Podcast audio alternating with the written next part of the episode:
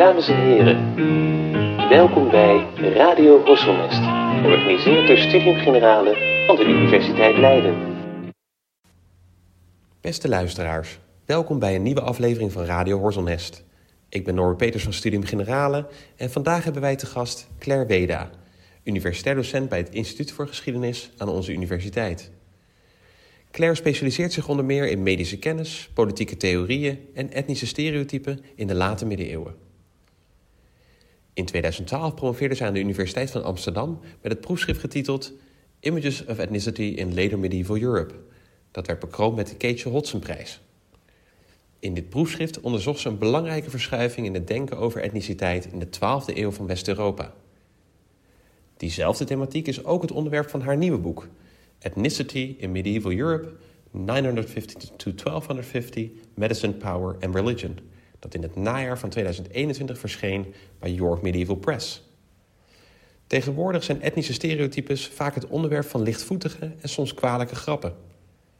Wie heeft er bijvoorbeeld nog nooit een Belgum op gehoord? Ook steekt men graag de draak met de koppigheid van de Friesen, de gierigheid van Nederlanders, het dronkenschap van de Britten, de nauwgezetheid van de Duitsers en het macho-gedrag van de Italianen. Deze moppen lijken wellicht uit de lucht gegrepen, maar Claire laat in haar nieuwe boek zien hoe dergelijke etnische satire eeuwenoude wortels kent.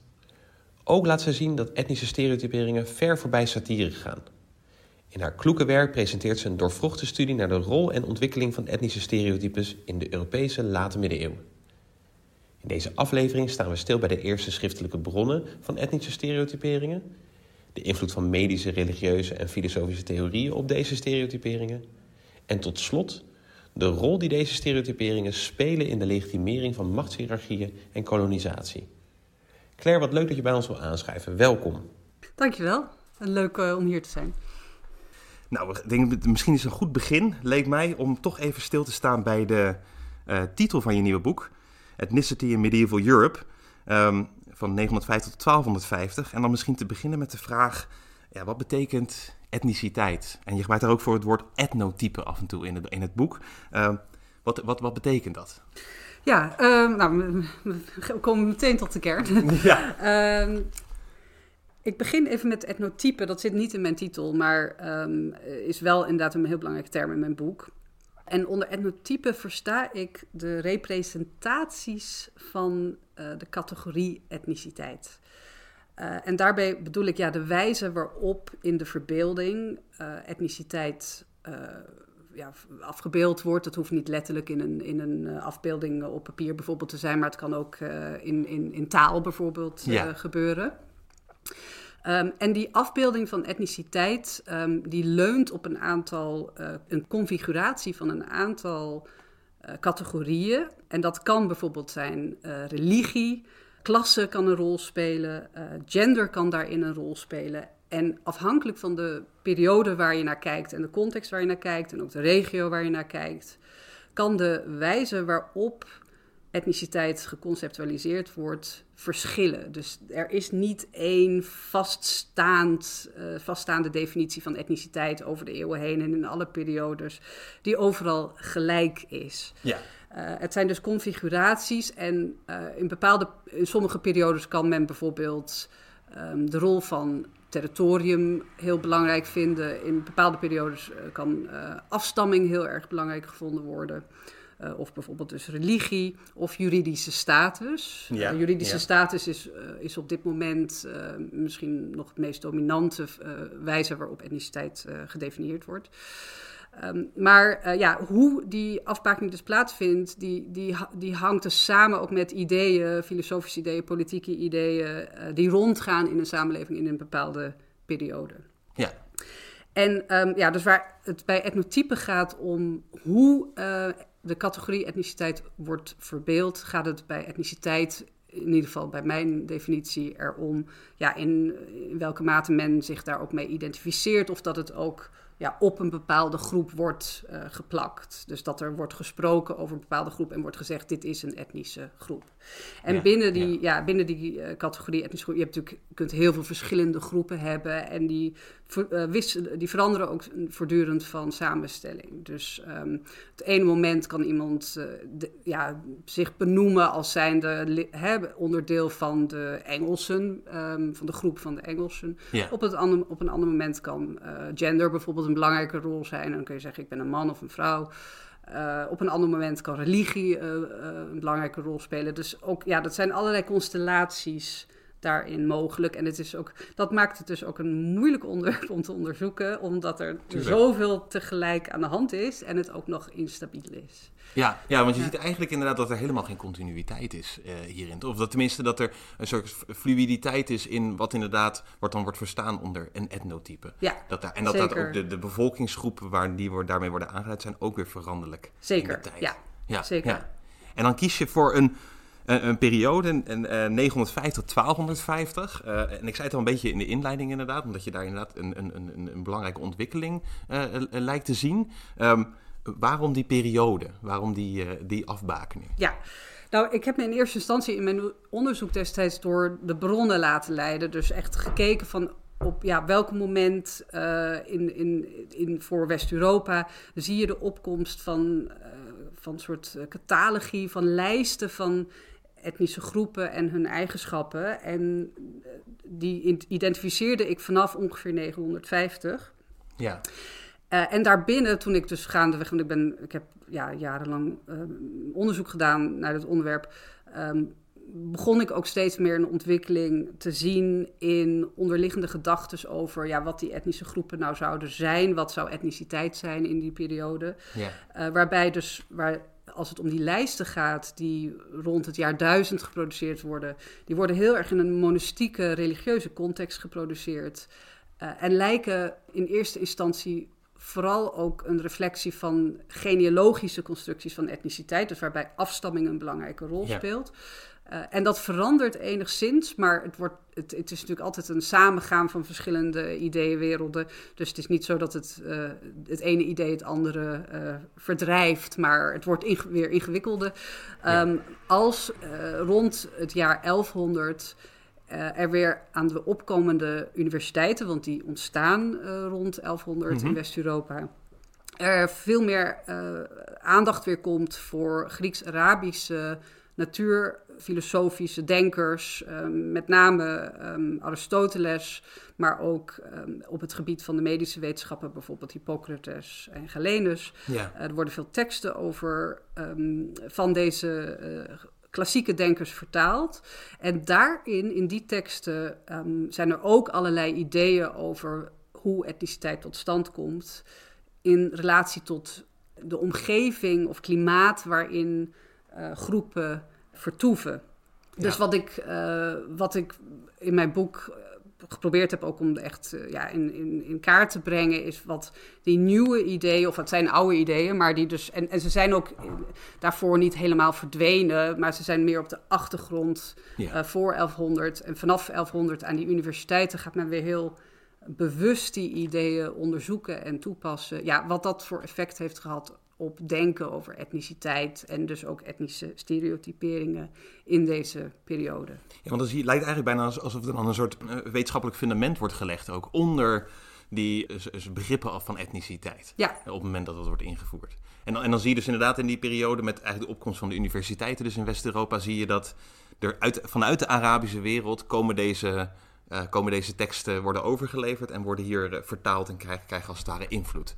Uh, tenminste, krijgen steeds meer invloed. Ja. dat goed? Ja, ja, ja. dat klopt. Dus het, um, ik denk dat het handig is als ik heel kort uitleg wat ja. klimaattheorie is. En dat um, is een, dus een, een, wetenschappelijke theorie uit de klassieke oudheid. En ja. Hippocrates is uh, de eerste um, van, ja, van wie in ieder geval teksten bewaard zijn gebleven die de klimaattheorie toepassen. De, het hoeft natuurlijk niet dat Hippocrates de eerste is geweest die dat heeft geformuleerd, maar in ieder geval voor ons. Uh, is hij een belangrijk uh, markeerpunt. Ja. En volgens Hippocrates was het zo dat de mens, maar ook of eigenlijk de hele natuurlijke wereld, um, sterk onderhevig was aan invloeden um, van het milieu waarin de mens of natuurlijke wereld verkeert. Dus als je, en, die, en die invloeden die hebben te maken met elementen, dus de vier elementen waaruit alles zou bestaan, hè, dus aarde, vuur, water, ja. lucht. Um, en de vier kwaliteiten: warmte, koude, natheid en droogte. En afhankelijk van constellaties van deze elementen en kwaliteiten zou de, zouden de fysiologische processen in de mens uh, beïnvloed worden. En um, daarbij moet je dus denken aan um, de processen in het lichaam die de, dus de gezondheid van een, van een mens bepalen, maar ook uh, de uh, mentale uh, en ook intellectuele capaciteiten van de mens. Ja. En, zelfs dus ook een soort fysiologische invloed zelfs. Dus ook zelfs ja. uiterlijke, uiterlijke karakteristieken ja. worden ook verbonden aan aan klimaat. Ja, want je zegt inderdaad klimaattheorie, maar dan moeten we natuurlijk niet denken aan vandaag de dag opwarming van de aarde, maar we moeten dus inderdaad denken aan een soort gedachte dat er een vorm, formerende invloed is vanuit een omgeving waar iemand woont uh, op de gesteldheid, uh, mentaal, fysiek uh, enzovoort. Precies. En omdat het klimaattheorie wel dus gaat over klimaat in de zin van warmte, koude, nat, hè, dus ja. is de plek waar een, een mens leeft belangrijk of heel relevant voor die theorie. En dus wordt het ook op groepen toegepast. Mm -hmm.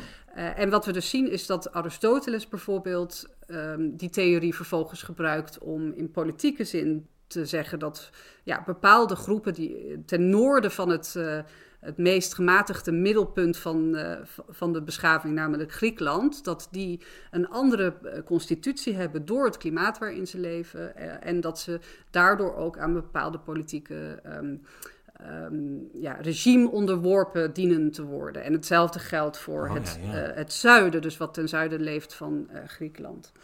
En nou ja, de, deze uh, theorie, dus van klimaattheorie, en ook iets later uitgewerkt in de, door Galenus, dat was een, een, een, medicus uit de tweede eeuw na Christus, in de humorenleer, uh, uh, waarin, ja, dat is nog een soort verfijning van ja. de klimaattheorie.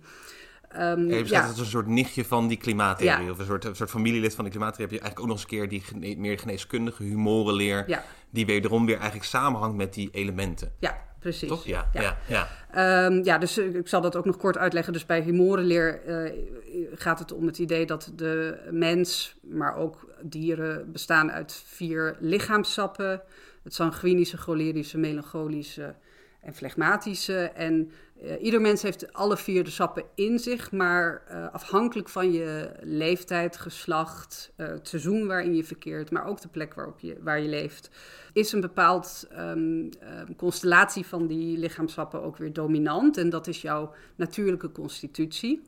en als je ziek bent, zijn die lichaamsappen niet meer in balans. En ja. de ja, heersende medische voorschrift was dan ook dat je moest, heet het moest zorgen, proberen te zorgen dat, dat je dus weer die sappen wel met elkaar in balans mm -hmm. bracht. Uh, om, om te zorgen dat je ja, zo gezond mogelijk was. En, um, dus dat bijvoorbeeld door, door aderlatingen kan me voorstellen dan, of, of bepaalde planten eten die ja. uh, nou ja, bijvoorbeeld dieet is daarin heel erg brengen. Ja, of, ja, dieet is heel belangrijk, aderlatingen, um, uh, ook luchtkwaliteit die men inademt, beweging um, en regulering van de emoties. Ja. En ja, dit is, was, is heel lang tot de 18e eeuw wel echt de dominante medische theorie geweest. En um, ja, ook daarin zie je een ontwikkeling in de loop van, uh, na, van de 13e eeuw eigenlijk van ideeën dat die humoren ook erfelijk worden. Dus dat als je uh, ouders allebei sanguinisch zijn, dat de, de kans aan, aanwezig is dat het kind ook sanguinisch is. Oh, en ja, dat ja. wordt ook weer gekoppeld aan het gebied waar men leeft. En, wat voor uh, klimaatsomstandigheden moeten we aan denken die, die bepalend zijn voor, voor, voor die constitutie? Uh, we moeten dan bijvoorbeeld inderdaad denken, je noemt al even koud, koude en warme gebieden, maar zijn er ook nog bijvoorbeeld andere uh, elementen van het landschap die dan een invloed hebben. Bijvoorbeeld dat je in de bergen woont. Of ja, precies. Dus, dus luchtvochtigheid speelt een belangrijke rol. Dus ook yeah. of het nat of droog is. Uh, maar ook inderdaad bijvoorbeeld bergen, valleien. Um, uh, woon je aan de kust of hoog in de bergen. De, want dat heeft dan alle, allemaal in, invloed op de kwaliteit van de lucht die je inademt. De, ja, de vochtigheid waar je mee geconfronteerd wordt. Dus ja, dus het is niet alleen maar warm, koud, maar ook ja, woon je in een, in een groen gebied bijvoorbeeld, Ja. of woon je in een doorgebied? Dat is ook nog relevant. Ja. En, en wordt dan ook, wordt dan, is er dan ook een idee van wat dan min of meer een soort ideaal klimaat is om in te vertoeven? Of, of, of, of, Ja. of- ja? ja? Het ideale klimaat is het, is het eh, meest gematigde klimaat. Niet Ja. te warm en niet te koud, niet te droog en niet te nat. Dat is heel Aristotelisch inderdaad. Ja. Ergens overal een beetje het midden Ja, van... eh, ja. ja, ja. En het, en het handige va- daarvan was natuurlijk ook dat, ja, wat is het midden? Ehm, dat eh, is in the eye of the beholder misschien. Ehm, dus voor de Grieken was Griekenland het ideale midden. En voor de Romeinen was, was Italië, Italia eh, het ideale midden. En eh, vanaf de 12e eeuw gaan ze in Noordwest-Europa zeggen dat Noordwest-Europa, Parijs met name, dat dat het ideale middelpunt is. Dus dat ideale midden verschuift vo- voortdurend afhankelijk van naar, welk, naar wie je kijkt. Ja, ja. Oh, en dus ook eigenlijk in de tijd inderdaad zie je eigenlijk dat die ideale klimaten, dat, dat, dat, heeft het, of dat lijkt eigenlijk dus ook een beetje samen te hangen met wat de, ma- wat de machtscentra zijn Precies. op dat moment. En de kenniscentra. Ja, Hè, oh dus ja, waar oh worden ja, de teksten tuurlijk. geproduceerd? Eh, ja, wa- waar wordt wetenschappelijk, ehm, wetenschappelijk onderzoek of studie bedreven? Nou ja, dat zijn dus ook vaak de plekken waar dan eh, het ideale midden wordt geclaimd. Ja, maar dat lijkt eigenlijk bijna inderdaad een soort, bijna een soort um, um, uh, uh, klimaatdeterminisme te zijn ook. Ja. Van dat, dat, waar je woont bepaalt inderdaad ook gewoon wat voor, wat voor een je er bent. Maar hoe, hoe wordt het dan gekoppeld aan bijvoorbeeld eh, als je migreert of als je verhuist of zo? Stel ik inderdaad verhuis van Italië naar eh, Noord-Duitsland of wat ook of zo in die tijd. Denkt men dan ook dat die verandering van de omgeving ook, ook weer mijn constitutie eh, op, op een andere manier gaat vormen? Inderdaad, Of- ja, ja. zeker. Eh, maar men dacht wel dat dat een heel langdurig proces was. En da- het was niet zo dat je binnen, als je verhuisde, je binnen een paar jaar eh, een heel nieuwe constitutie zou hebben. Omdat je toch, ehm, en nu, ja, nu treed ik een beetje in detail, maar als je geboren werd, had je al een, een soort een radicale constitutie. Ja. En dan had je die constitutie kon je dus, heet het, proberen te beïnvloeden. Uh, maar als je dus naar een andere regio verhuist waar, het echt, van, waar echt een ander klimaat heerste, um, dan zou dat in feite betekenen dat je in, in eerste instantie juist uitbeland zou zijn, omdat je uh, in een regio was ja, die niet helemaal paste bij jouw natuurlijke constitutie. En dat zou zich dan wel in de loop der tijd veranderen, maar um, het, het, was een moeizaam proces volgens de theoretici. Ja, dus je ziet eigenlijk zo bijna een verschil op een gegeven moment optreden tussen een soort kern van je, ja, je wezen, noem ik het dan maar even, of zo, of je natuurlijke constitutie, en dus inderdaad iets wat meer, iets meer aan verandering onderhevig is, als het ware als een soort schil daaromheen.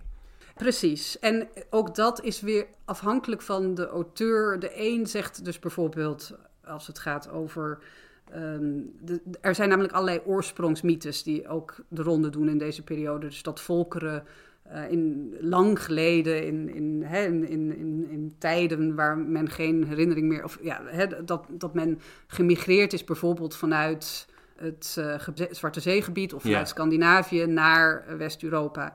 Uh, en soms wordt dan gezegd dat deze volkeren nog steeds de oorspronkelijke constitutie hebben van het Zwarte Zeegebied of het Scandinavisch gebied. Maar dat, is, dat wordt, als men dat zegt, dus Gerald of Wales zegt dat bijvoorbeeld uh, yeah. over de, de Britten. Ja, dan is dat vaak ook om weer een ja, politieke claim te maken of om iets positiefs bijvoorbeeld te zeggen over een bepaald volk ten aanzien van zijn omgeving. Dus er wordt op retorische wijze ja, handig gebruik gemaakt van deze wetenschappelijke theorieën naar gelang de context. Dus het is niet zo dat het door iedereen op dezelfde manier steeds wordt geïnterpreteerd. Nee, nee, precies. En je ziet dus ook inderdaad, en dat beschrijf je denk ik heel veel inderdaad aan, aan, aan het begin van je boek, uh, dat met die dat je eigenlijk met die opkomst van die lijst, of je, je begint dan inderdaad met dat, dat je bijvoorbeeld inderdaad uit zo'n Benedictijns klooster vind je dan zo'n lijst met uh, de wijsheid van de Grieken, de kracht van de goten, dat je al die soort etno, ja, etnotypes of etnostereotyperingen krijgt als een soort lijst. Maar je beschrijft dan ook vrij vlug al dat daar een soort genealogie in wordt uh, uh, aangebracht. Dat, dat men dus inderdaad ook gaat nadenken, wat, is de her, wat zijn de herkomst van die volken en hoe sluit dat aan bij de Bijbelse geschiedenis? Ja, inderdaad. Dus dat is een andere traditie. En, en al dit, want net hadden we het over een Grieks-Arabische ja, traditie ja. en een Romeinse traditie. Uh, maar er is natuurlijk ook een, een, een religieuze Bijbelse traditie die uh, voor Europa uh, relevant is vanaf de vroege middeleeuwen. En in de Bijbel zelf, hè, de, volgens het, het christendom of volgens de monotheïstische religies, stamt de hele mensheid uiteindelijk af van Adam en Eva en zou het dus hè, één grote familie zijn. Ja. Maar als je, de, als je de Bijbel bestudeert, dan zie je dat ook in de Bijbel genealogische lijnen voortdurend opduiken. Hè, dus afstammingslijnen. En uh, in de christelijke traditie, en niet alleen in de christelijke traditie, ook in, in Arabische en, in, Joodse tradities, zie je dat um, vervolgens volkeren gekoppeld worden aan die genealogische lijnen. En daarbinnen is weer ook een interpretatie van dat ja, sommige genealogische lijnen ja, beter of meer door God gezegend zijn, zeg maar, dan andere lijnen. Sommige zijn ook vervloekt, omdat bijvoorbeeld hè, de afstammelingen van Kain. Um, ja, ja, tuurlijk. Ja. Door, de, uh, door het feit dat Kaan zijn broer Abel heeft gedood. Nou ja, dan zouden de afstammelingen daarvan vervloekt zijn. En dat wordt gekoppeld aan bepaalde volkeren. Dus uh, je ziet uh, wat dat betreft een, een, een, genealogisch denken, waarbij er ook een verhaal wordt geconstrueerd over de hele geschiedenis van de mensheid. Van schepping, van het begin, van Adam en Eva, tot en met uh, de eindtijd. Want in wezen is het christendom, het is een apocalyptische religie die ervan uitgaat dat er een begin en een eindpunt Ja. is. En dat uiteindelijk uh, um, er een eindtijd zal aanbreken waarin een soort hemels Jeruzalem zal neerdalen en Christus terug op aarde zal keren. Ja. En binnen dat verhaal van begin en eind wordt aan volkeren allerlei posities en, en rollen toebedeeld. Uh, en wat, wat ik dus zag in die, in die lijsten van etnische eigenschappen en zogenaamd erfelijke eigenschappen, die je vanaf 950 in de, in de kloosters opgeschreven ziet worden, Mhm. um, is dat die lijsten dus ook vaak beginnen in het oosten en eindigen in het westen.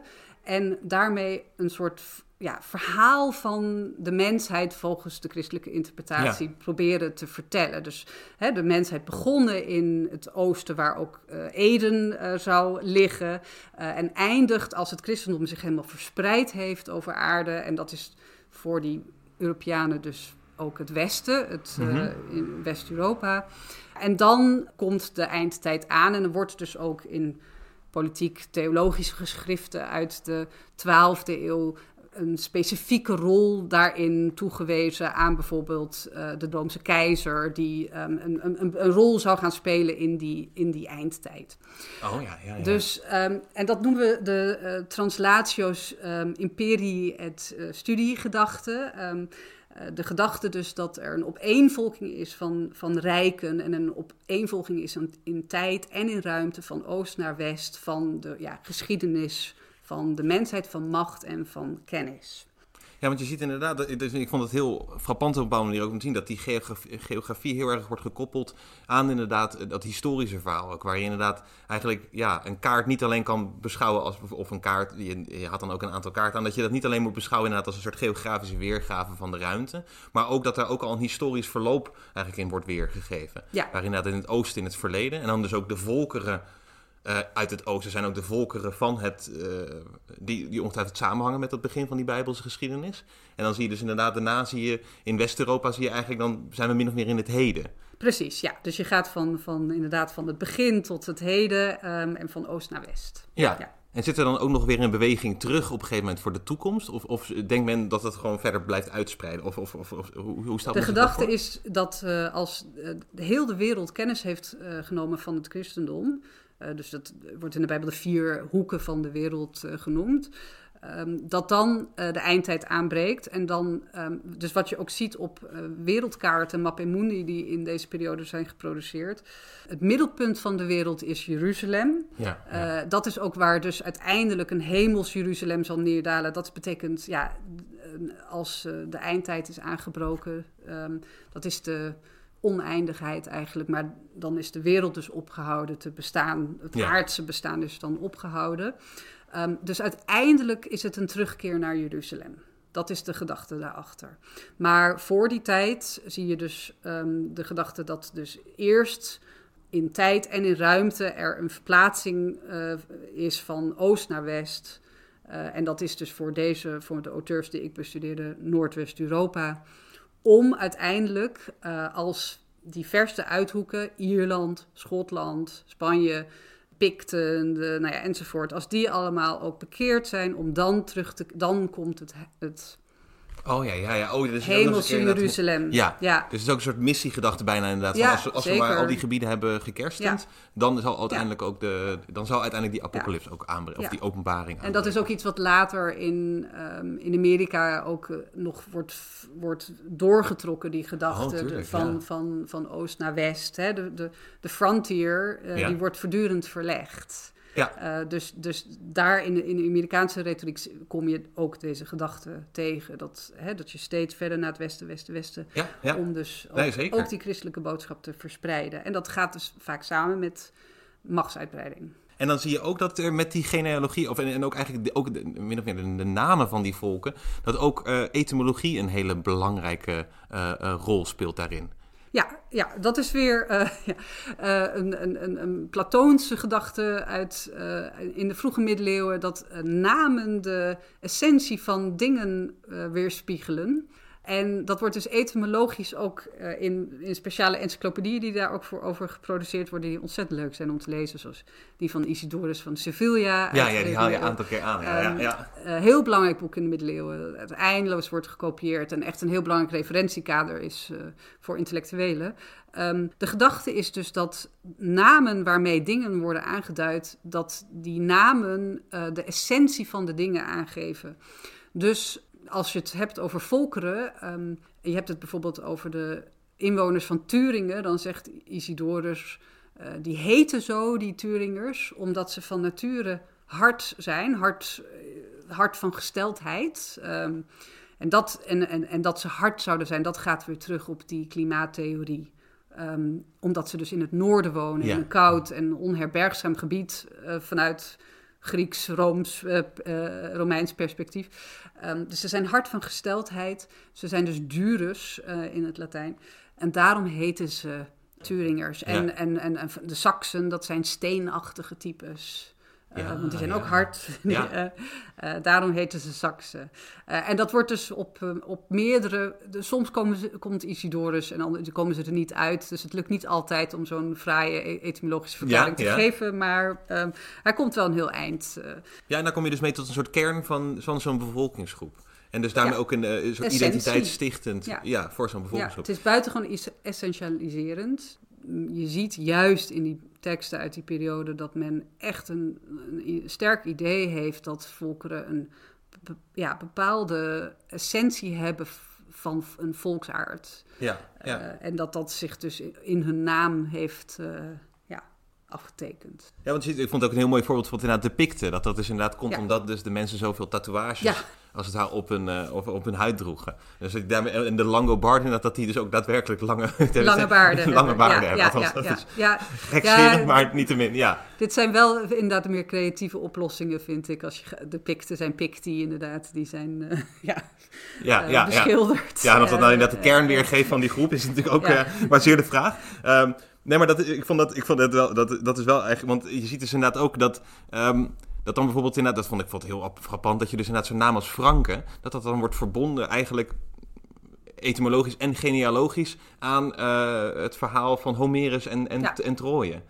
En dat het een van de zonen of iets dergelijks, ik, ik weet niet precies meer Ja, dus dat zijn weer die oorsprongsmythes die dus uh, die heel populair zijn. Um, uh, en er zijn verschillende tradities daarbinnen. Dus er zijn oorsprongsmythes die volkeren uh, in, oorspronkelijk in het Zwarte Zeegebied plaatsen of in Scandinavië. Maar ook heel populair is om te zeggen dat de zeg maar, stichters van een volk afstammelingen zijn van Aeneas.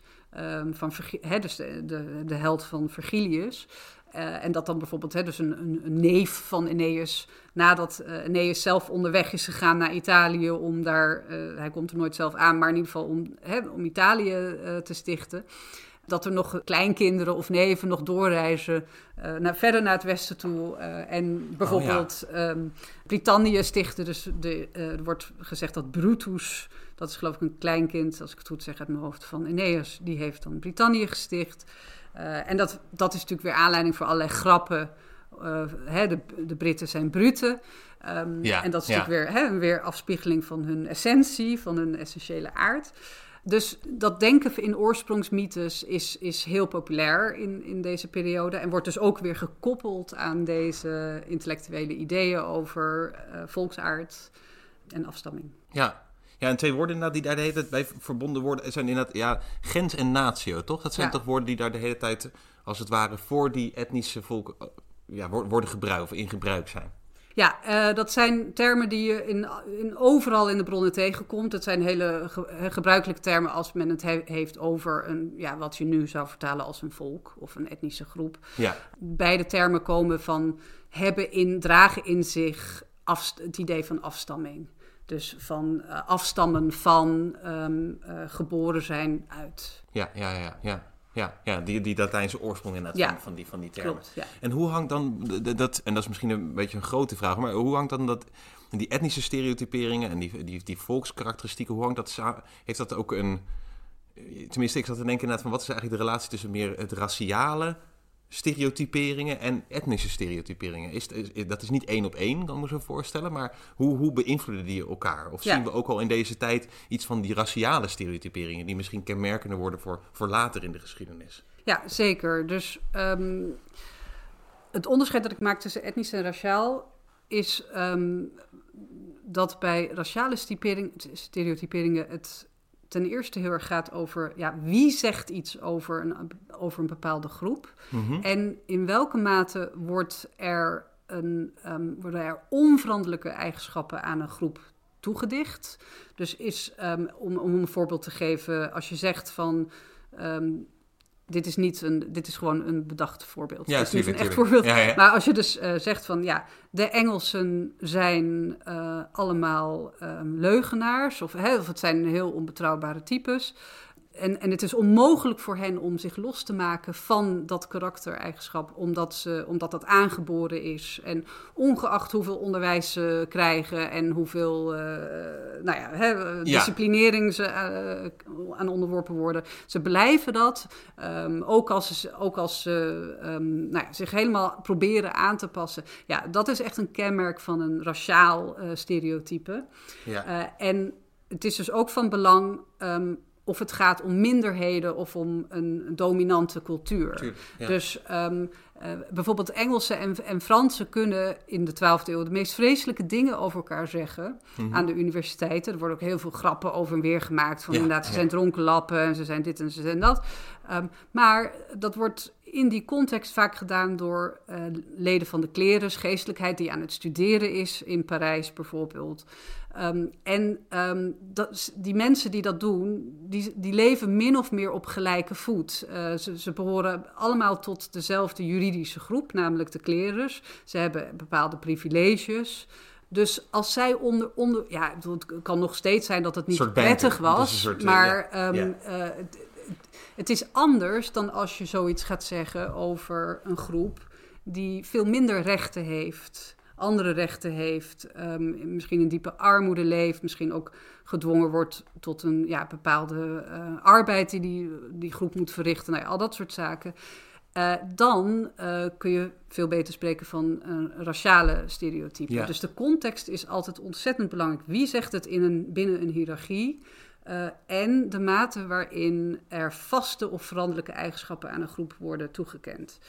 Maar het interessante is dus wel dat je ziet dat zowel als de Engelsen bijvoorbeeld in de 12e eeuw het over zichzelf hebben, of de Fransen, en als ze het bijvoorbeeld over Joden hebben, of over moslims, um, of over Ieren, dat ze in beide gevallen wel gebruik maken van de klimaattheorie. Dus gebruik maken van ideeën over hoe eigenschappen uh, beïnvloed worden door de omgeving waar je in leeft, naast culturele invloeden en religieuze uh, denkbeelden.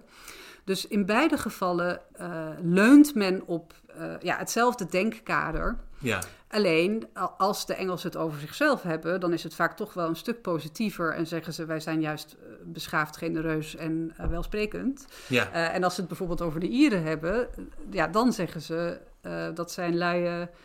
Ongecultiveerde um, groepen hè, die, die ja. op een lagere rang van beschaving leven.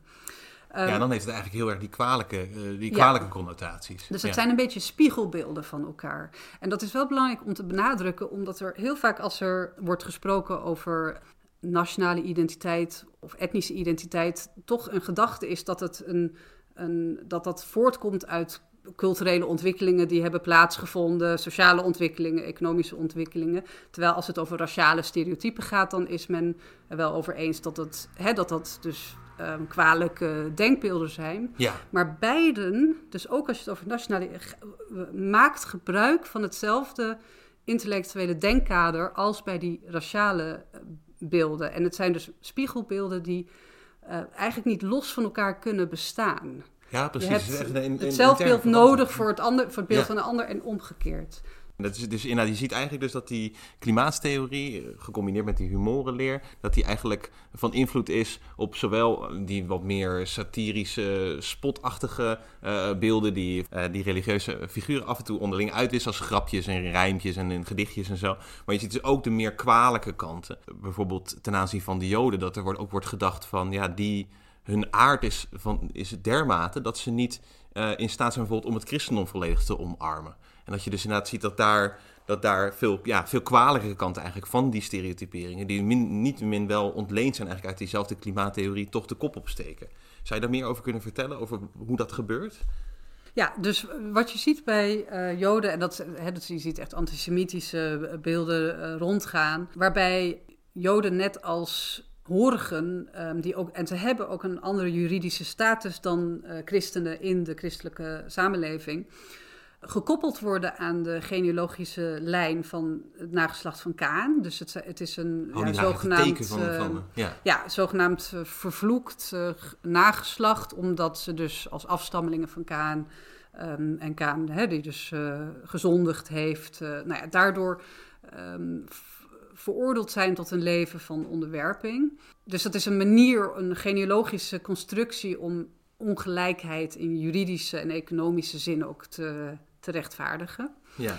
En vanaf de, met name begin van de 13e eeuw zie je ook in toenemende mate dat de humorentheorie gebruikt wordt om Joden op een fysiologische wijze ook als anders te bestempelen. Door te zeggen dat ze aangeboren melancholisch zijn. Oh, ja. En bijvoorbeeld last hebben van bloedingen, van menstruatie. Eh, en dit is ook weer binnen dat christelijk kader een ehm, manier om te zeggen dat ze vervloekt zijn, net zoals vrouwen vervloekt zouden zijn Ja, ja, om te menstrueren. Eh, en dat wordt dus weer ook weer gekoppeld aan de erfzonde. Dus de gedachte dat na de zondeval is Adam en Eva uit het paradijs gegooid worden. Omdat hè, Eva Adam verleid heeft tot het Mhm. eten van de vrucht. Van, nou, dat ehm, in, in, in medisch eh, wetenschappelijke termen wordt die zondeval ook verklaard als eh, Adam en Eva worden uit het meest gematigde, meest perfecte natuurlijke omgeving getrapt. Oh, ja, ja, ja, Ehm, ja. en daar begint ook de ziekte en dus ook de dood.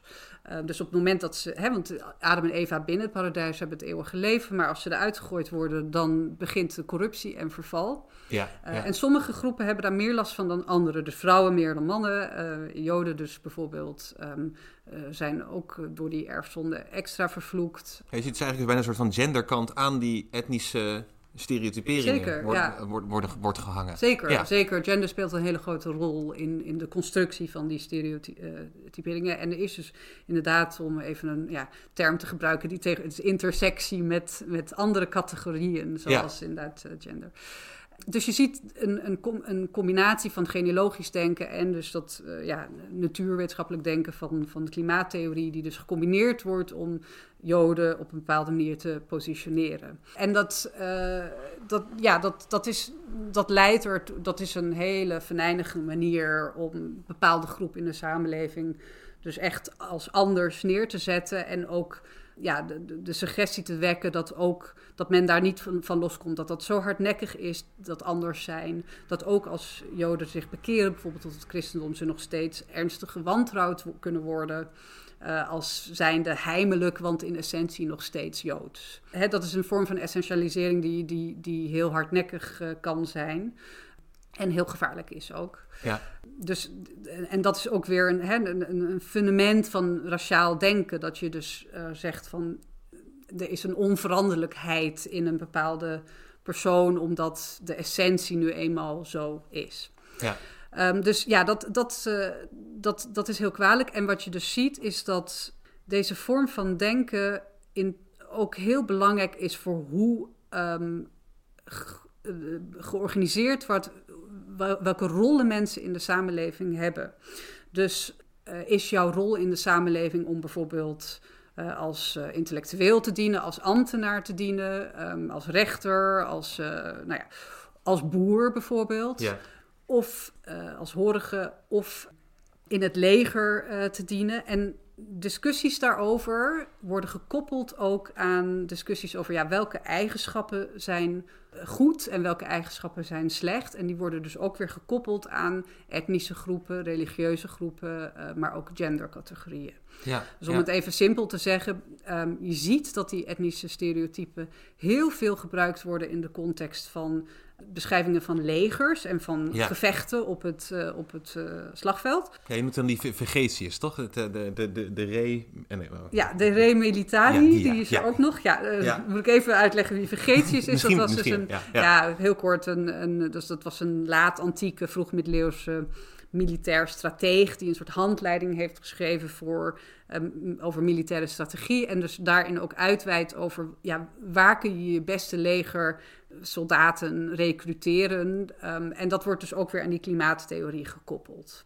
Oh, ja, ja, en je ziet dus dat um, heel veel ja, uitingen van stereotypen gaan dus over of, een, of mensen in het leger wel of geen goede vechters zijn, gekoppeld dus aan etniciteit. Dus de Engelsen bijvoorbeeld, de Anglo-Saxen in ieder geval, die komen er bijvoorbeeld bekaaid van af. Oh ja, ja, ja. ja. Uh, die worden neergezet als als, als uh, vrouwelijk um, en dus zwak en, en, en geen goede strijders. En uh, dit was natuurlijk heel erg belangrijk, want vechten was natuurlijk ook een heel belangrijke um, bezigheid. Ja, in die periode er wordt eindeloos oorlog gevoerd, er wordt heel veel geplunderd, er wordt heel veel land ingenomen. En we zien natuurlijk ook echt de opkomst van de, van de kruistochten ja, in die periode. Zeker. Of misschien is dat al iets eerder. Nee, nee, dit, dit, is tegelijk met de kruistochten. Ja. Dus ook daarin zie je inderdaad dat uh, er uh, bijvoorbeeld gesproken wordt over de etnische eigenschappen van de zogenaamde Saracenen. Uh, daarmee wordt bedoeld dus moslims in, in Palestina. Um, en daar wordt dus ook heel laatdunkend, kan daarover gesproken worden. Niet in alle gevallen, maar vaak wel. door westerse auteurs, waarbij men dus ook weer gebruik maakt van die klimaattheorie. En dus zegt, die Saracenen, die kunnen niet, dat zijn geen goede krijgers... Mhm. Want die zijn bang om hun bloed te verliezen, omdat ze van nature zwak zijn, want ze komen uit een zuidelijk gebied.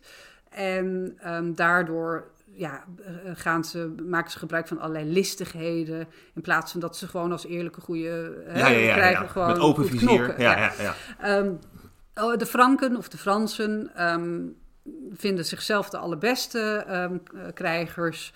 Want dapper en sterk, maar tegelijkertijd gebruik maken, makend van hun verstand. En dat is het soort ideaaltype. Dus dat je zowel gebruik maakt van ratio, um, maar ook maar niet bang bent.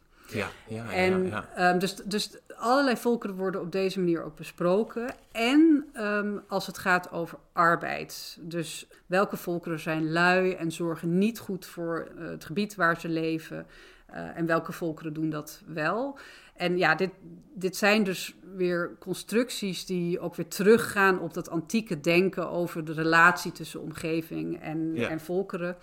En wie heeft recht op land? Wie is goed in staat om te, om te zorgen voor zijn land? En dit is echt kolonisatie-retoriek. Uh, ja. Om te kunnen um, ja, rechtvaardigen um, als je het land inpikt waar al mensen wonen, um, want al die gebieden waren bewoond, ja. om, om dus te rechtvaardigen waarom uh, zo'n, uh, het inpikken van dat land toch geoorloofd is, omdat de oorspronkelijke bevolking zelf niet goed zorgt voor het eigen territorium. Ja. En het heeft me ja. heel lang geduurd om, echt, om het echt goed te begrijpen. Eigenlijk pas toen ik Cicero uh, goed ging, uh, die een hele belangrijke Romeinse uh, antieke geleerde, die ook in de middeleeuwen heel erg belangrijk is, om echt goed te begrijpen ja, wat het nou betekent als men het heeft over luie volkeren die op mm -hmm. een bepaald gebied leven en, en, en, en dat het dus gerechtvaardigd is om hun terrein, hun land in te pikken. Het zijn namelijk, de, de volkeren worden geplaatst op een schaal van, um, van menselijkheid tot dierlijk. Oh, um, en Je, als je erop gaat letten, dan zie je dat dat heel vaak gebeurt. Dus dat bijvoorbeeld over Ieren, want Ierland wordt in de 12e eeuw door Engeland gekoloniseerd. dat ze heel vaak vergeleken worden met dieren. Ehm, en daarmee wordt geïmpliceerd dat die mensen, de Ieren in dat geval, onder een, ja, andere, een andere juridische status hebben. En net als dieren um, geen recht hebben op de opbrengsten van hun inspanningen. Want een dier, uh, ja, die kan wel ergens rondlopen en, en, en eten verzamelen en dat opeten zo. Maar die pleegt geen landbouw, die, zorgt, die denkt niet aan de toekomst, die heeft geen ratio. Ja, vergaart geen bezit of wat Vergaart geen bezit, althans hè, volgens dat, deze... Volgens deze ja, um, karikatuur, ja. Ja, daar zijn, tegenwoordig uh, wordt daar hè, hebben, wordt, wordt geprobeerd om veel meer rechten aan dieren toe te kennen. Maar goed, maar volgens deze, uh, het jus gentium en het, uh, is het, ja, hebben dieren wat dat betreft geen rechten. En er is dus een soort ja, hiërarchie, of een soort schaal waarin um, allerlei groepen ingedeeld worden van meer rationeel naar minder rationeel, naar meer ja, fysiek sterk, um, maar niet in staat om zelf goed voor de toekomst te zorgen. En dat, hè, dat is natuurlijk een meester-dienaar relatie die, die uh, geschetst wordt. Uh, en, en, en, die dus, legitime, die dus le uh, legitimeert dat je een gebied inneemt, ja. dat je een militaire campagne start. Precies. Ja, ja, en tegelijkertijd andersom dat je bijvoorbeeld bij het recruteren van een leger, dat je met legertroepen werkt uit bepaalde gebieden, omdat die een bepaalde constitutie hebben die dan helpt in zo'n ja. in, in, de, in de oorlogsvoering. En die, en, die goed, die, en die dus wel goed in staat zijn om jouw eigen territorium te beschermen. Ja, Want dat is ja. natuurlijk uh, ook heel belangrijk. Ja. Uh, en bijvoorbeeld Joden, die vochten dus ook niet mee in, in legers en vrouwen ook niet. Dus je ziet ook al Hè, dat ze daarmee op een, ja. ja. op een, in een andere schaal ingedeeld worden dan de geïdealiseerde, dappere, doch uh, verstandige krijger. Ja. Die dus zowel ratio als kracht in zichzelf verenigt. Dat is het ideaalbeeld. Ja. Ja, het is eigenlijk ja, het is bizar om te zien inderdaad hoeveel tentakels eigenlijk die klimaatstheorie dus heeft. Ook in dus inderdaad ja, het, het, het, het conciperen van zo'n machtshierarchie. Die dan dus inderdaad al die verschillende volkeren op een bepaalde manier indeelt. En je ziet denk ik ook wel heel sterk dat is sowieso in die stereotyperingen. Dat het ook natuurlijk heel erg gaat over inderdaad uh, uh, hoe ziet men de ander hoe en hoe identificeert men zich ten opzichte van de ander. Dat lijkt me toch ook inderdaad een, een belangrijke rol te spelen elke keer in het, in het maken van die, van die stereotypering. Of in, in het, in ja. Het, ja, ja. ja, en het zijn dus ja, nogmaals uh, soort spiegelbeelden die dus op een retorisch, ja, die een functie hebben op retorische wijze.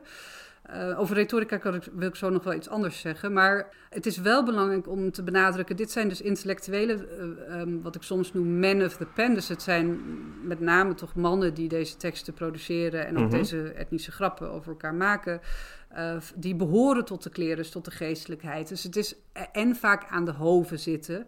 Ja. Um, omdat ze nadat ze een studie hebben voltooid als adviseur of als hè, hofschrijver ergens gaan zitten en het onderwijs verzorgen. Uh, dus onderwijs speelt een hele belangrijke rol hierin. Uh, het gaat wel echt om een bovenlaag van aristocratie mm -hmm. en, uh, en kerk.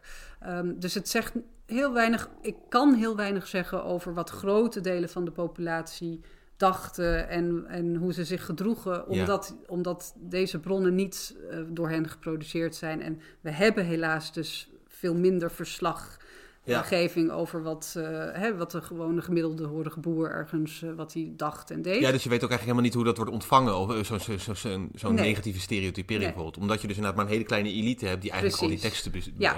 uh, of, ja. opstelt en bestudeert. Ja, en we weten dus, het kan ook natuurlijk heel goed dat in de praktijk heel, die etnische stereotypen heel vaak terzijde worden gelegd, uh, afgewezen worden. Hè? Dat mensen heel goed met elkaar leefden en, en zeker niet de hele tijd bezig waren om elkaar uit te maken voor van alles en ja. nog wat. Dus dat is toch wel heel belangrijk um, om, om te benadrukken. Het gaat om een elite en wat je dus ook ziet is dat de ideale eigenschappen die ze zichzelf toekennen op etnisch gebied ook de ideale eigenschappen zijn van de adel.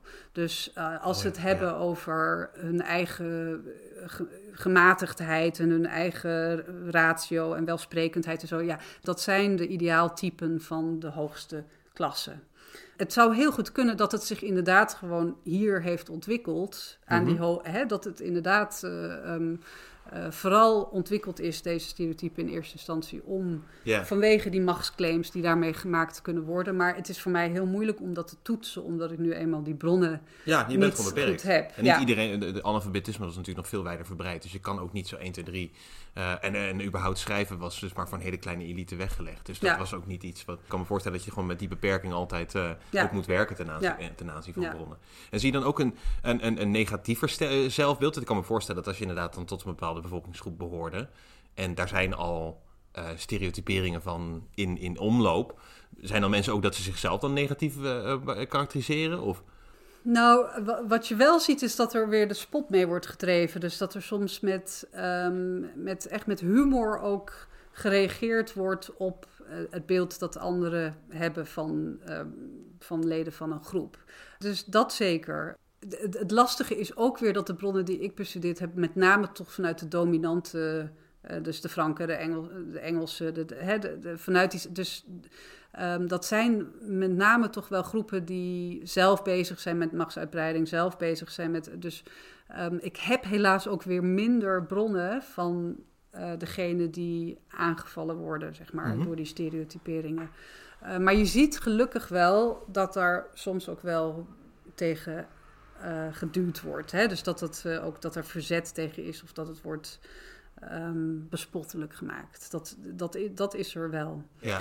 Ehm, ja, wat ik nog wilde, ook over retorica, wat Ja, ook ja. nog heel belangrijk is om te zeggen, is dat in het onderwijssysteem in die 12e eeuw. ehm, er zijn allerlei handboeken geschreven voor ehm, die geestelijkheid aan de universiteiten. Van hoe moeten ze teksten schrijven? Hoe moeten ze hè, retorisch sterk Mhm. zijn? Hoe moet je een goed gedicht schrijven? Wat is de kracht van poëzie? Dus het zijn handleidingen voor retorica, handleidingen voor poëzie. Eh, en de geestelijkheid aan de universiteiten wordt in grote mate opgeleid om vervolgend aan allerlei hoven aan, en, en in stadsbesturen eh, en in kerkelijke hoven als geleerde werkzaam te worden. Hè, om de administratie te voeren, om de brieven te schrijven, om hè, het notariaat eh, te voeren. Ja, ja, Dus ja, deze tuurlijk. handleidingen zijn daar ook voor opgesteld. Daarin wordt ook heel expliciet. Eh, worden, worden ze aangemoedigd om die stereotyperingen te gebruiken, om overtuigend te zijn. Dus er wordt expliciet gezegd: als je een, een Engelse schrijft en je Mhm. wilt de aandacht trekken van die Engelsen, of je wilt eh, ehm, zorgen dat, je, ehm, ja, dat, hè, dat je, jouw brief bijvoorbeeld serieus wordt genomen, ja, maak dan gebruik van de beelden die er al rondgaan over ehm, die groep om ze daarin aan te spreken. Ja, Of als je, ja. Dus daarin zie je hoe ongelooflijk ehm, belangrijk, of een grote, in ieder geval welke grote rol onderwijs speelt in het creëren en reproduceren van die categorieën en van die stereotypen. Ja. Eh, ik denk dat het een, een, een niet te onderschatten eh, eh, betekenis heeft voor het eh, reproduceren van, van stereotype denkbeelden. En zo verspreidt eigenlijk ook dit denken zich zo langzaam maar zeker ook wel door de bevolking. Dus ondanks dat, je, dat, die, dat die bronnen misschien inderdaad een beperkt beeld geven, omdat ze door, de, door, door een elite worden gemaakt. Niettemin zie je wel dat er een soort van verspreiding eigenlijk vanuit die universiteiten en vanuit die onderwijsinstellingen en, en kloosters, et cetera, dat het eigenlijk wel degelijk zich verder verspreidt en daardoor ook meer Ja. invloed krijgt. Ja, dat zal, dat zal zeker gebeurd zijn. Het is wel zo dat in eerste instantie in de twaalfde aan de universiteit, dat, dat was echt wel een hele kleine groep die daar zat. Ehm, dus dan moet je echt denken aan 2, 3 procent eh, bovenlaag van de populatie die toegang had tot dit soort onderwijs. Ja, maar ja. eh, er worden zeker via bijvoorbeeld preken ehm, allerlei beelden verspreid vervolgens voor een stedelijk publiek. En je Mhm. ziet in de late middeleeuwen, de 14e, 15e eeuw, dat geletterdheid ehm, binnen de stedelijke samenleving wel echt toeneemt. Ja. Dus ehm, op die manier verspreidt het eh, zich zeker. Want dan heb je dus inderdaad bepaalde soort stereotype, stereotyperingen van eh, volken. Maar je zegt ook inderdaad van ja, in, in, eh, bijvoorbeeld als je inderdaad bijvoorbeeld naar, naar, naar een, het gebied van de kijkt of iets dergelijks of zo, dan zie je natuurlijk wel dat daar ook wel weer heel veel verschillen zijn. Standverschillen inderdaad. Je hebt een adel, je hebt een, een horigheid, je hebt eh, eh, eh, man, vrouw. Eh, hoe wordt dat dan gekoppeld aan zo'n klimaat, eh, klimaattheorie? Want je zou misschien dan juist denken, dat hebben ze dan niet allemaal een soort vergelijkbare constitutie. Maar eigenlijk laat dit weer, of zijn dit weer andere ja, manieren om te differentiëren. Ja. Hoe hangt dat dan met elkaar samen? Ja, dus het, het systeem is eh, relativistisch. Ja. Ehm, dus uh, je, uh, de gedachte, ook vanuit medische optiek, was dat er, er zijn meerdere factoren die een rol spelen. Mhm. Um, en het zijn dus configuraties. Dus inderdaad, de plek waar je leeft is, is van belang, maar ook uh, je geslacht en ook je, het seizoen waar je verkeert. en je kunt het dus ook nog zelf manipuleren, je gesteldheid. Ja. Um, dus wat dat betreft is het niet zo dat men dacht dat iedereen in, in één gebied inderdaad precies dezelfde constitutie heeft. Het zijn, het is, het zijn schalen. Dus de een heeft iets in meerdere mate en de ander heeft iets in mindere mate. Maar dat is nou precies het raciale, is wanneer er wordt gezegd van ongeacht al die omstandigheden is een persoon in essentie onbetrouwbaar bijvoorbeeld. Ja, omdat ja, dat uh, ge geërfd is. Ja. Uh, dan wel via een genealo genealogische constructie van, van zonde, dan wel via een humorale constructie, um, een fysiologische constructie of een combinatie daarvan.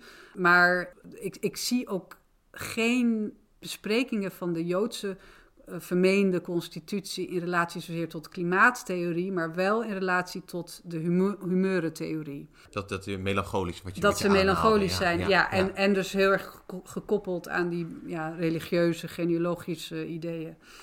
Um, dus men is daarin ook wel opportun, zeg maar. Van wanneer het je uitkomt, gebruik je het ene systeem dan Ja, wel het ja, andere. Uh, ja. uh, en ik moet ook zeggen dat in de middeleeuwen sowieso consistentie is niet hun, hun, Nee, nee. hun, hun hoogste talent, zeg maar.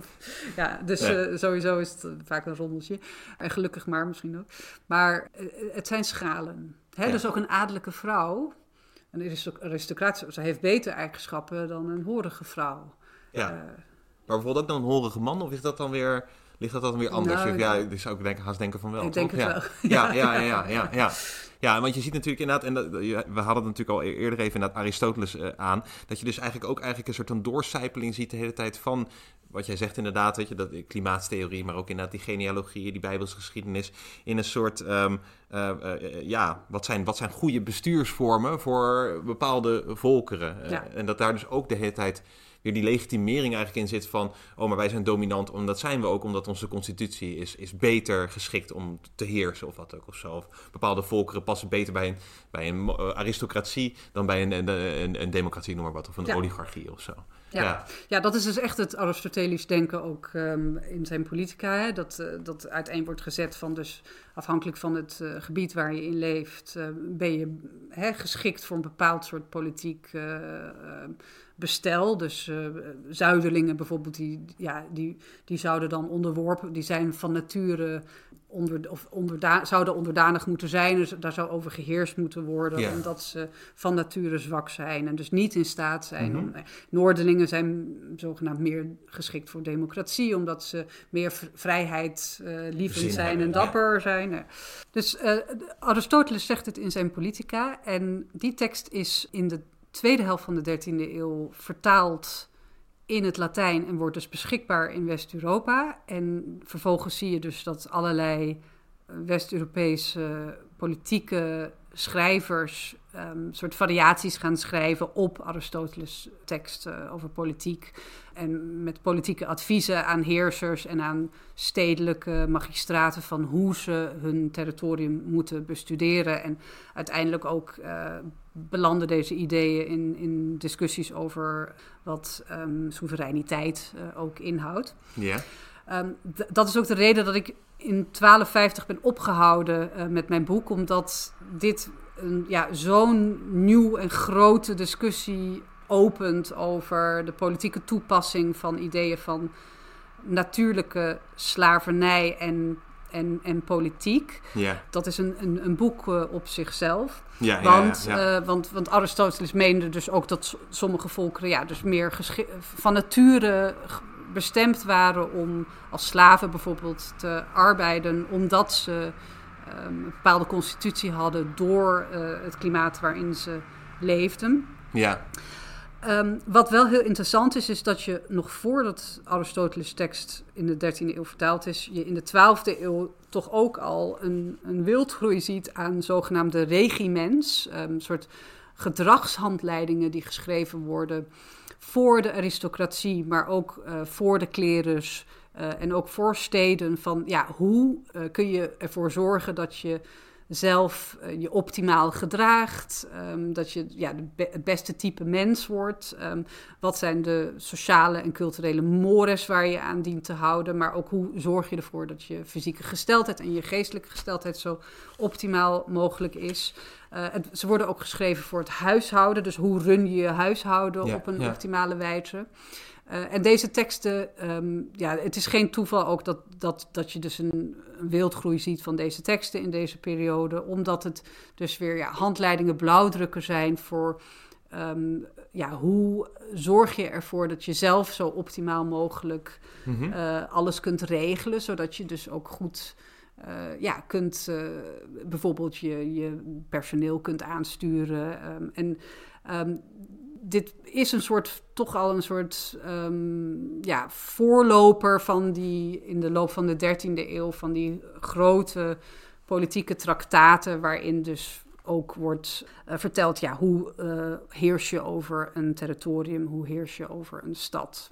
Waar, dus Waarom wordt dat zo, uh, zo pregnant dan in, in, die, in die periode? Of tenminste, waarom zie je eigenlijk zo'n soort wildgroei van, van dit soort inderdaad... Ja. Van de koningsspiegels zijn er toch vaak inderdaad... Of, ja. of inderdaad manieren om, om, om je... Ja, waarom in die periode? Ja. Of waarom niet daarvoor, bijvoorbeeld? Ja, dat is een hele dat is echt een kip-ei ja, ja. Ja, dat is heel, het is maar er gebeurt ontzettend veel in die 12e eeuw. Um, er is expansie, uh, er is um, uh, ja, er worden dus ook kruistochten gevoerd, er wordt oorlog gevoerd met uh, Palestina of in Palestina. En het interessante is dus ook dat men heel veel kennis en ideeën haalt uit die Arabische wereld. En vervolgens eigenlijk gebruikt tegen hen ja, om ja. over hen te heersen. Er is een instroom van veel nieuwe kennis. Dus om doordat er heel veel Arabische teksten en Griekse teksten worden vertaald in deze periode. En daar wordt dus gretig gebruik van gemaakt van die nieuwe kennis. Uh, en er ontstaan ook in deze periode dus universiteiten waar hè, de centra van kennis, die weer gekoppeld zijn aan, aan hoven, um, waar dit soort teksten bestudeerd kunnen worden. Ja. En vervolgens ook waar men ook weer er gebruik van kan maken door heersers, door uh, aristocratie, om ja, succesvoller te zijn in het uitoefenen van macht en ook in het uh, veroveren van, van territoria.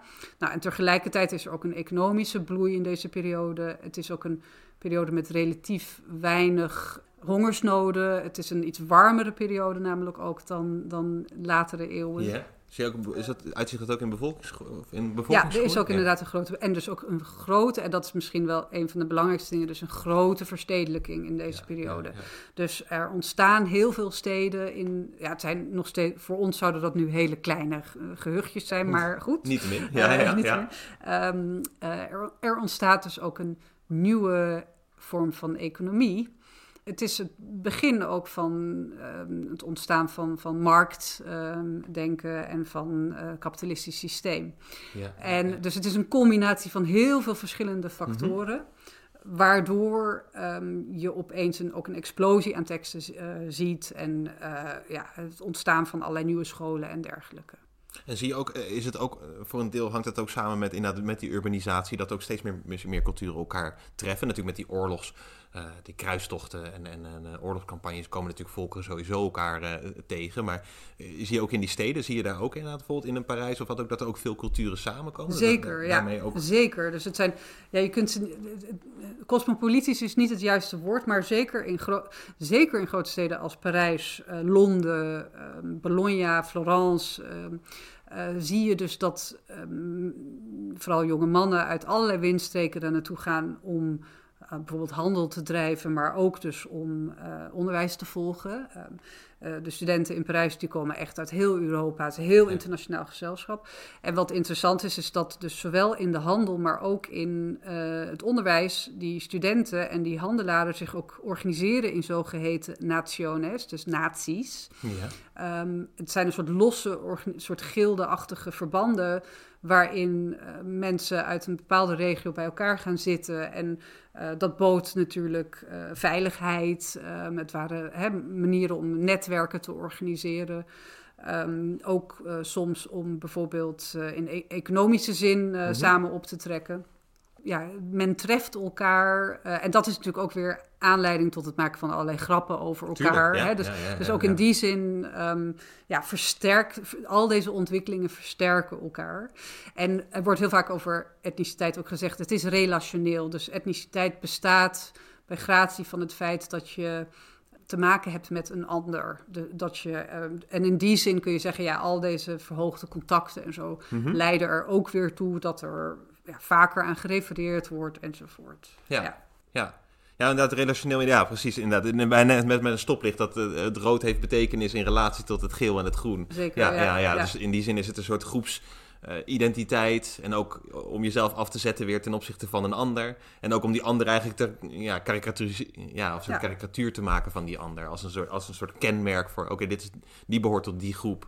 En ik behoor tot mijn eigen groep. Ja, ja. en dat is natuurlijk iets dat, hè, dat, dat, dat, dat gebeurt overal. En, en, en, en ja, het, het, gaat er natuurlijk om van hoe dat gebeurt. Hè?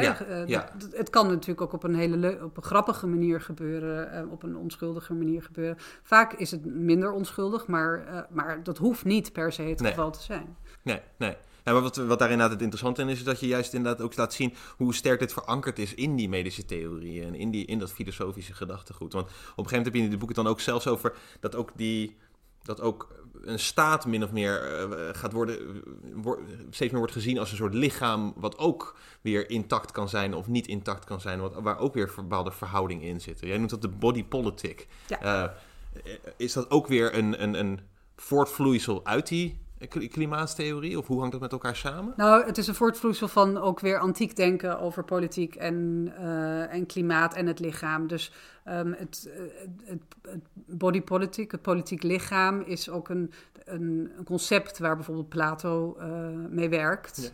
Ja. Uh, en de gedachte dus dat een samenleving een lichaam is. dus hè, en, we kennen het nog steeds in ons dagelijks taalgebruik op allerlei niveaus. Als we bijvoorbeeld uh, uh, hebt over het hoofd van een regering, hè, dat, dan gebruik je dus een, een, een, lichamelijke metafoor om een ja, ordening aan te, aan te brengen. Uh, en er zijn, worden dus ook teksten geproduceerd in de 12e eeuw en 13e eeuw waarin de werking van de samenleving wordt beschreven als, een, als de werking van een lichaam. Dus het hoofd is bijvoorbeeld de koning, het hart zijn de rechters, oh, ja. de handen zijn de ambtenaren, de voeten zijn de horige boeren. Nou, ja, uh, en het idee is wel dat ze, je hebt ze allemaal nodig om samen te werken, want um, hè, het lichaam uh, ja, zonder voeten functioneert ook niet. Functioneert ook niet, maar er zit wel een hiërarchie in. Ja, ja. Um, en dat is dus een, een antiek idee dat ook soms voor de kerk wordt gebruikt, um, uh, met Christus als hoofd, ook Christus ook als de medicus die, die zorgt voor de samenleving. Ja, en ja. ook hierin zie je weer, met name dus in de loop van de 13e eeuw, als ook meer werk weer van Aristoteles vertaald wordt, um, ja, dat het idee van het politieke lichaam steeds nadrukkelijker in politieke teksten uh, doorwerkt.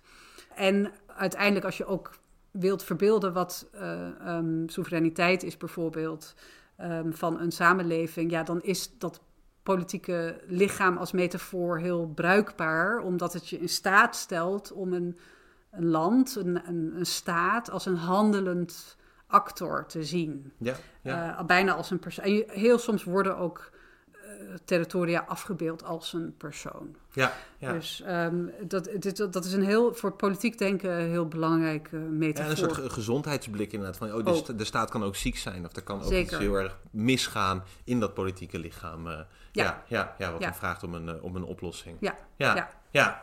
Misschien is het een goede om, een, om als afsluitende vraag aan jou te stellen, inderdaad, wat voor, wat voor uh, volgend project staat er op de, op de radar? Op? Heb je al iets in gedachten waar je aan, uh, mee aan het werk bent? Uh, ja, zeker. Ja, ik ben op dit moment bezig met een, een, soort microgeschiedenis van één stadje, Sint-Truiden, in, in het huidige Belgisch Limburg. Een prachtig stadje met geweldige bronnen over um, in de 15e eeuw uh, op dagelijks niveau van wat er allemaal in dat, in dat stadje gebeurt op het gebied van grote gezondheidscrisissen, uh, crisissen ten aanzien van het milieu en, en, hoe, hoe de inwoners van dat stadje daarmee omgaan. Ja. Uh, maar in het verlengde daarvan en ook in het verlengde van, van, van het boek uh, Ethnicity ben ik heel erg geïnteresseerd geraakt in met name hoe het medisch denkkader uit die periode, het Galenisch dus denk, uh, en Aristotelisch-Galenisch denksysteem van het politieke lichaam en die medische metafoor.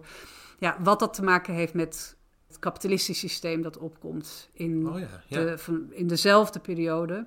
En wat tegenwoordig raciaal kapitalisme wordt genoemd, racial capitalism.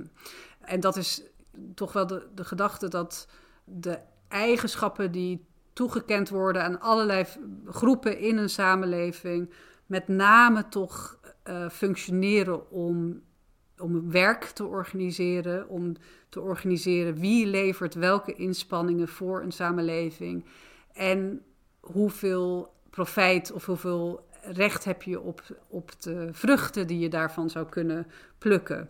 Hè, dus uh, je ziet ook in de 14e, 15e eeuw dat um, wage labor, dus het, het, de opkomst van arbeid in ruil voor een salaris, in plaats van dat je gewoon werkte op je eigen stukje land en, en zelf ervoor zorgde dat je uh, de opbrengsten daarvan zelf kon gebruiken. Dus dat komt sterk op in de steden in de 14e en 15e eeuw, uh, waarbij je ook een grote differentiatie ziet tussen verschillende groepen. De ene krijgt een veel beter salaris dan de ander. En dat mhm. wordt vaak weer gekoppeld aan een schaal van waardering van geestelijke arbeid ten aanzien van fysieke arbeid. Waarbij oh dus het meest smerige werk dus ook financieel gezien het het slechtst eigenlijk wordt uh, gewaardeerd. Hè? Alle mensen die mhm. in die periode ook de, de grachten zaten uit te graven en uh, de beerputten, de beerputten schoonmaakten. Nou ja, dat zijn vaak mensen met weinig rechten en die slecht betaald werden. Casual laborers, hè, dus op tijdelijke contracten. En ik ben bijzonder geïnteresseerd geraakt in deze groep die zo vaak omdat er ook weer eh, te weinig bronnen zijn van die groep zelf over het hoofd wordt gezien, maar een hele aanzienlijke groep was. Dus ik vind het belangrijk om aan hen aandacht te besteden. Zie je ook al een soort dagloner al een beetje opkomen? Zeker, er zijn heel veel dag. Ja, nee, zeker. Um, en wat ik dus heel interessant vind, is de rol van de medische wereld hier ook weer in. Want je ziet dus um, in die 14e en 15e eeuw dat de medische wereld allerlei traktaten produceert waarin ze dus schrijven over die eigenschappen van al deze verschillende werkers. Maar in de praktijk is de medische wereld ook echt betrokken in niet alleen zorgen voor verschillende, eh, bijvoorbeeld op schepen of in legers, voor uh, verschillende soorten werkers, um, maar ook in verzekerings. Um, maatschappijen die toen al opkwamen, uh, ook lichamen van mensen, van werkers gaan keuren en gaan bepalen hoeveel ze waard zijn in relatie tot de taken die ze uitvoeren. Oh ja, ja, um, en dat speelt natuurlijk in, zeker in slavernij een grote rol. Maar ook in, je ziet het ook bij uh, bijvoorbeeld armensvloebers die gedwongen arbeid moeten verrichten op schepen of ehm, in, in publieke werken. Ja, want, die, eh, want die beroepen die hebben natuurlijk ook weer, hebben natuurlijk ongetwijfeld ook weer een soort samenhang met die klimaattheorie. Als je een visser bent, veel op zee, uh, droge, droge zeelucht of wat ook of zo. Of als je een, een horige bent, dan zit je veel op het land. Speelt dat, speelt dat ook op die manier ook weer een soort communiceren? Dat, dat, dat kom je soms tegen. Ja. Ehm, maar minder, dat, dat is niet het meest dominante in die teksten. Maar wel dat een boer die dus inderdaad ploetert uh, op uh, dicht bij het land uh, en daarbij ja, bijvoorbeeld geen ehm, uh, hij werkt met zijn handen en, en dat, wordt, dat werd echt als minderwaardig beschouwd. Ja. Um, en is onhygiënisch volgens die uh, um, medici die daarover schrijven. En is ja. ondervoed en is, uh, nou ja, en smerig in, in al die termen. Is in die zin dus ook fysiologisch minder en, en is dus van nature Um, ja, misschien ook wat melancholischer of wat. Uh, soms wordt, worden horen wel in die termen um, beschreven.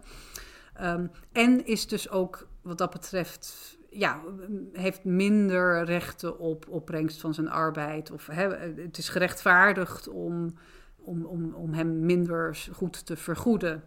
En bij sommige, zeker in het geval van gedwongen arbeid, bijvoorbeeld bij arme mensen met hoge schulden, die dus uh, door, ho, die door rechts, uh, rechtbanken veroordeeld worden tot gedwongen arbeid. Want dat gebeurt in de 15e eeuw, in, ook in Nederland.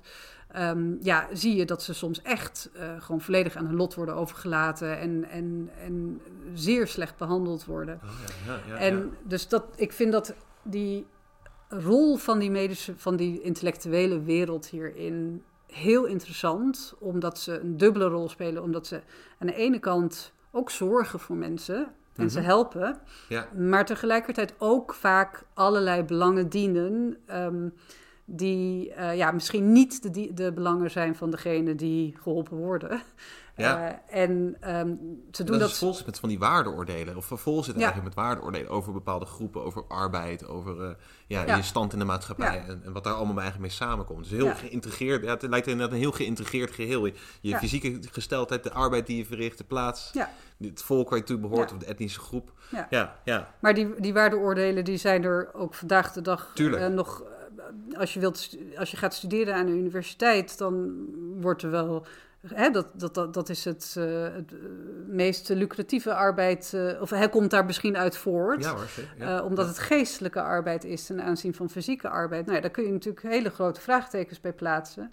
Ehm, dus ik denk dat, het, dat dat heel hardnekkig is. Ja. Ehm, en, en ook daarin zie je weer dus dat kennisconstructies daar... die kunnen dat heel lang reproduceren en in stand houden. Dus ik, daarom denk ik dat het heel belangrijk is om dus heel kritisch te kijken... naar juist wat deze ehm, intellectuele hoogopgeleide mensen... Wat, ja, wat hun rol daarin is niet om nu te zeggen dat de hele eh, medische wereld, het, in, in- natuurlijk niet. Eh, Nee. Maar het is wel heel belangrijk om daar gewoon heel kritisch eh, op te zijn. Ja. Ja, inderdaad, denk ik heel, heel mooi zien inderdaad. Net, net als eigenlijk met die etnische stereotyperingen, dat, dat dat ook weer hele diepe wortels kent. En dat er eigenlijk een veel langere ontwikkelingsgeschiedenis aan vooraf gaat dan je zo op het eerste gezicht eh, denkt. Dan denk je inderdaad van oké, een universitaire studie is inderdaad hè, weer niet werken met je handen, maar met je hoofd. Dat, dat wordt gewaardeerd. Maar dan zie je hier eigenlijk aan ja, hoe ver dat eigenlijk al teruggaat, dat, dat, type, Ja. dat type denken. En hoeveel, ja, hoe sterk dat ja, verankerd eigenlijk is eigenlijk al in, in, een soort, ja, in, een, in een soort denken over arbeid en waarde en in je positie in de maatschappij. En, en natuurlijk, ja, het is heel interessant, niet dat ik dat zelf allemaal kan uitvoeren, maar ook in, eh, in hoeverre dit anders is in andere culturen en in, in andere periodes. Dus, hè, want ik, ik heb het nu natuurlijk heel erg over een ja. Grieks, Romeins, ehm, Mediterraan, Noord-Europees en vandaar ook hè, dus heeft het zich natuurlijk verspreid, deze ideeën. Ehm, maar er zijn natuurlijk heel veel andere culturen met hele andere ideeën over de relatie tussen mens en natuur. En Ja. over arbe- wat is arbeid en wat is. eh, dus ehm, Ja, daar nee, zeker. hebben we nog, denk ik, veel te weinig be- goed begrip van. Ja. Ja, ja. Nou, hartelijk dank. En ik wil je danken voor dit gesprek. En eh, ook natuurlijk de luisteraars thuis dank voor het luisteren. En eh, tot de volgende keer. Dankjewel. Dit was weer een aflevering van Radio Horselnest. Dank u voor het luisteren.